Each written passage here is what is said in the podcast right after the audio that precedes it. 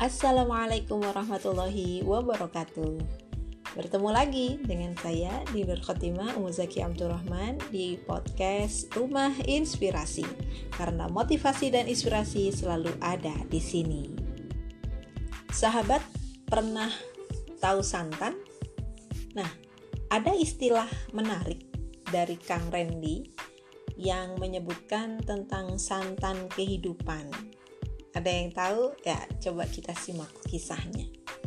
Nah, santan kelapa tahu ya? Nah, untuk mendapatkan santan kelapa ini, kita harus melalui proses yang amat sangat panjang. Jatuh kelapanya, dibelah kelapanya. Enggak cukup itu, masih harus dikupas kulitnya, ditarik sabut kelapanya. Sudah kelihatan batoknya. Nah, batoknya pun dibuang. Udah batoknya dibuang, hanya ter, ter kemudian terlihat buah kelapa yang ada di dalam batok itu. Kemudian kelapanya itu masih diparut. Iya kan? Nah, apakah selesai dengan diparut? Ternyata tidak. Masih harus disiram dengan air panas. Biar apa? Biar keluar santannya kan? Kalau sudah disiram air panas ternyata juga nggak selesai penderitaannya sampai di situ. Masih harus diperes lagi. Ya. Nah, jadilah kemudian santan. Apakah kemudian santan itu langsung diminum begitu saja? Langsung dikonsumsi begitu saja? Ternyata tidak. Dia harus dipanaskan dulu, dicampur dengan berbagai macam bumbu sehingga jadilah dia menjadi sebuah olahan masakan yang sedap dan nikmat. Nah, jadi inilah yang kemudian disebut dengan santan kehidupan. Ada satu ayat Allah yang mengingatkan kita tentang ragam ujian yang dihadapi oleh manusia. A'udzu billahi Bismillahirrahmanirrahim.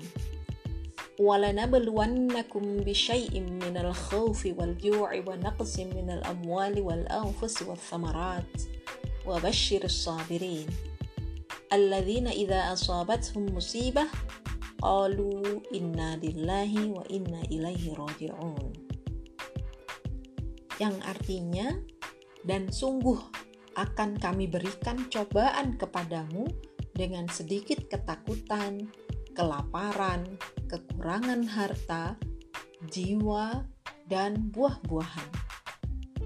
Dan berikanlah kabar gembira bagi orang-orang yang sabar, yaitu orang-orang yang apabila ditimpa musibah, mereka berkata, "Inna lillahi wa inna ilaihi roji'un." Sesungguhnya kami adalah milik Allah dan kepadanya lah kami kembali ada juga hadis dari Nabi Muhammad Shallallahu Alaihi Wasallam yang diriwayatkan oleh Imam Ibnu Majah. Idza ahabballahu qauman ibtalahum. Jika Allah mencintai suatu kaum maka Allah akan menguji mereka. Barang siapa yang ridho maka dia yang akan meraih ridha Allah. Barang siapa yang tidak suka, maka Allah pun akan murka. Wah, na'udzubillah. Nah, coba kita refleksikan lagi tentang santan tadi ya. Nah, dari cerita santan itu ternyata ujian yang bertubi-tubi yang datang kepada kita berarti memang Allah itu bermaksud untuk mengambil santan dari kita. Sesuatu yang bisa dinikmati dengan enak dan bahkan bisa memberikan manfaat yang sangat luas dan bisa membahagiakan orang lain sebanyak-banyaknya. Termasuk membahagiakan diri kita sendiri.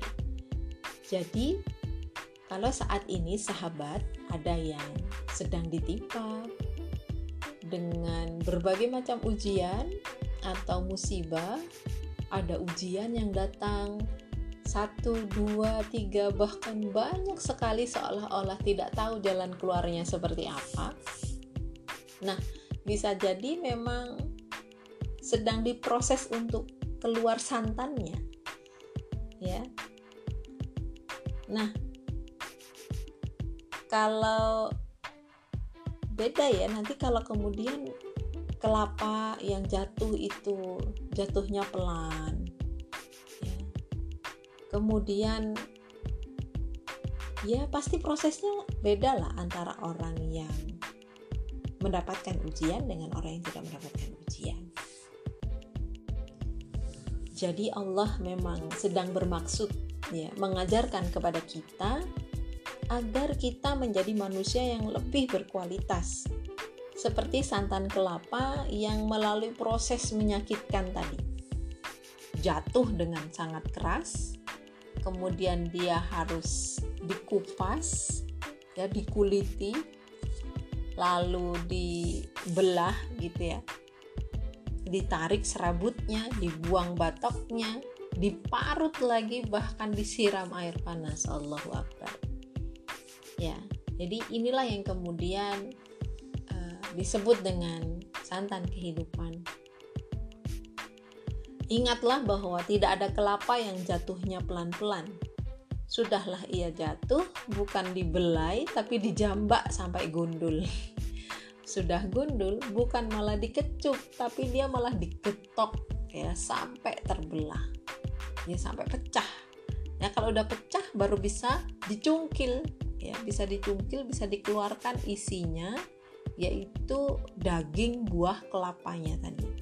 Kalau sudah didapatkan daging buah kelapanya, kemudian disisir, ya dibersihkan dulu uh, kulit-kulit yang masih menempel.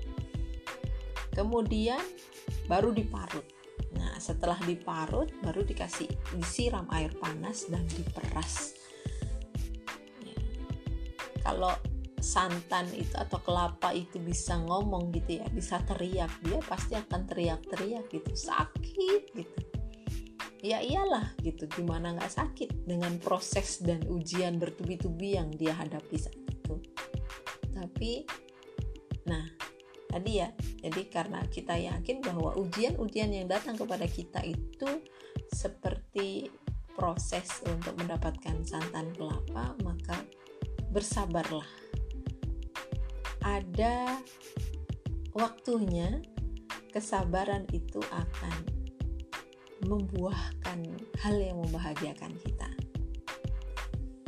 Bagaimana caranya keluar dari berbagai macam persoalan yang menghimpit kita, yang datang secara bertubi-tubi? Nah, Tentu untuk melepaskan diri dari semua itu untuk mengundang pertolongan Allah itu tidak dilakukan dengan aktivitas yang normal-normal saja, tapi justru harus dijemput dengan aktivitas-aktivitas yang nggak normal, bahkan bisa jadi nggak masuk akal untuk bisa menjemput keajaiban dan mengundang pertolongan Allah. Jadi kuncinya adalah pasrah dan sabar maksudnya pasrah itu tawakal ya. Dan uh, dalil-dalil tentang tawakal itu sudah banyak sekali.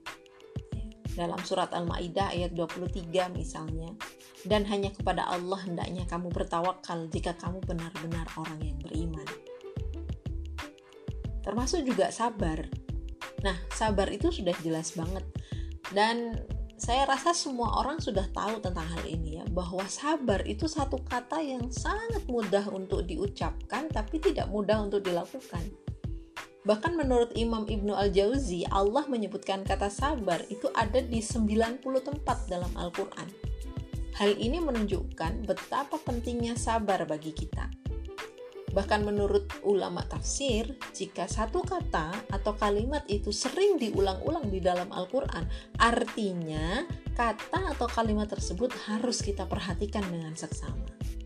Nah, berarti sabar ini termasuk yang harus diperhatikan.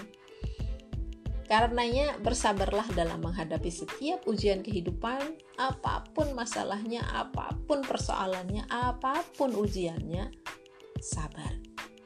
Sebab sabar adalah bagian dari keimanan kita kepada Allah Subhanahu wa taala. Saya ambil inspirasi tentang santan kehidupan ini dari bukunya Kang Dewa, Dewa Eka Prayoga yang berjudul Melawan Kemustahilan. Uh, insya Allah di episode berikutnya akan saya lanjutkan ya tentang kisah-kisah kesabaran para nabi dan rasul. Mudah-mudahan kisah-kisah ini atau cerita dan podcast yang saya sampaikan ini bisa memberikan inspirasi terutama untuk diri saya sendiri dan juga untuk sahabat semuanya. Terima kasih tetap setia di sini di Rumah Inspirasi karena motivasi dan inspirasi selalu ada di sini. Wassalamualaikum warahmatullahi wabarakatuh.